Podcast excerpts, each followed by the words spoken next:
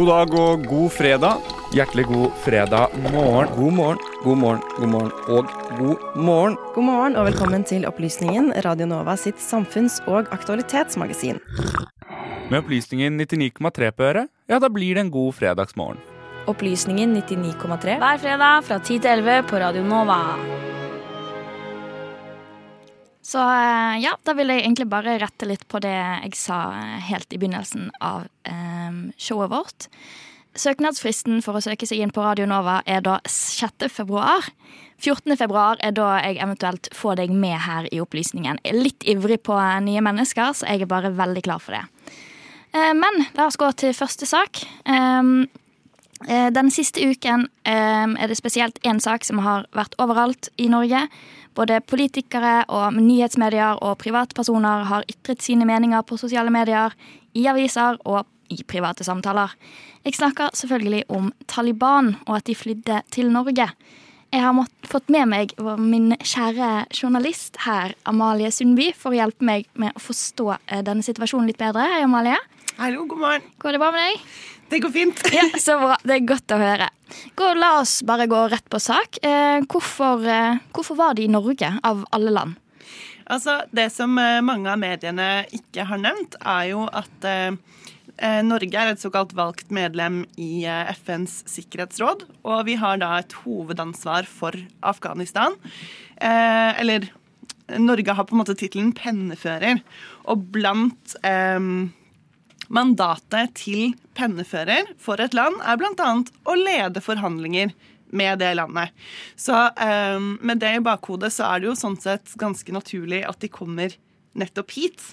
Eh, dessuten så har jo Norge eh, forsøkt gjennom mange mange år å posisjonere seg som eh, fredsnasjonen Norge. ikke sant? Eh, skal være kjent for alle mulige eh, fredsforhandlinger. Um, og på regjeringens nettsider så er det jo en masse artikler om liksom, hvorfor Norge er så gode på fredsforhandlinger, med en rekke argumenter. Og et av de argumentene eh, jeg syns var veldig spennende, da, var at de ikke var redd for å mislykkes. Eh, det syns jeg var litt interessant. At eh, um, de ser på det som en eh, lang prosess, da, hvor man må ha mange mislykkede forsøk mm. før man får noe til.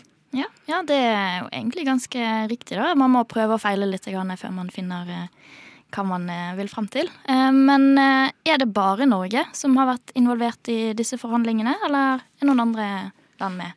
Eh, nei, altså Norge er jo eh, selvfølgelig vertsland for eh, forhandlingen, men de har også invitert andre land. Eh, blant annet så har det vært representanter fra USA, Tyskland, Frankrike, Storbritannia, Italia og EU, i tillegg til da representanter fra det afghanske sivilsamfunnet.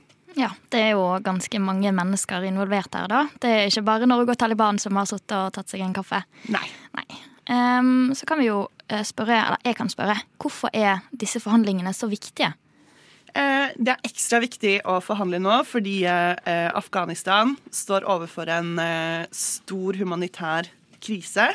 Per nå så er det nesten 600 000 mennesker på flukt, og de forventer at opptil en million barn kan dø. Det er litt sånn rart for oss kanskje å tenke på, siden Afghanistan er såpass langt sør, men det er faktisk veldig kaldt der om vinteren. Og når folk da ikke har råd til å fyre, de har kanskje ikke råd til ordentlig klær og sko. Eh, det er ordentlig matmangel. Så eh, er det klart at det haster å løse denne situasjonen og hjelpe alle disse sivile menneskene som er i nød.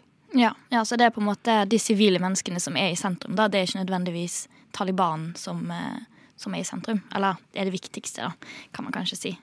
Ja, eh, altså Jonas Gahr Støre, vår statsminister, har jo gått ut og sagt at det her er jo ikke en anerkjennelse av Taliban. Men eh, det er klart at akkurat nå så er det de som sitter på makta, og derfor så er det de man må snakke med hvis man skal prøve å hjelpe eh, sivilsamfunnet, da.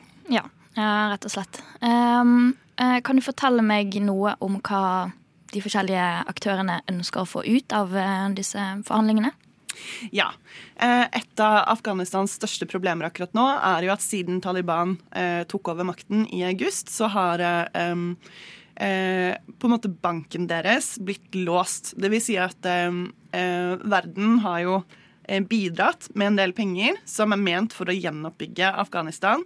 Eh, men man ønsker da ikke at Taliban skal få tak i disse pengene. Så eh, selvfølgelig så har Taliban hatt to klare mål, mål med forhandlingene. Det ene er å bli anerkjent som eh, Altså, de vil jo anerkjente eh, det nye landet sitt, da, som eh, Beklager hvis jeg sier feil nå, men jeg tror det er det afghanske emiratet eller noe sånt noe som de eh, vil at det skal hete nå. Det er det ene de vil oppnå, og så vil de også få frigjort de pengene.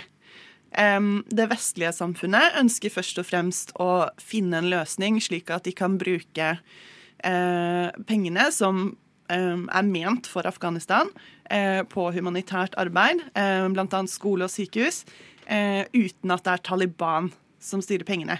Eh, og de har litt baktanke med det, ifølge noen stemmer. Eh, fordi eh, man frykter jo da at hvis man ikke får en orden på den humanitære situasjonen, så vil det kunne føre til en ny flyktningstrøm til Europa fra Afghanistan. Ja. Eh, det er alltid veldig interessant å snakke med deg, Amalie. Du er godt belyst, som vanlig. Tusen takk eh, for god informasjon. Eh, men nå tenker jeg at vi skal ta en liten musikkpause her i Opplysningen. Eh, på øret får du 'Jeg vil ha' av Baklengs.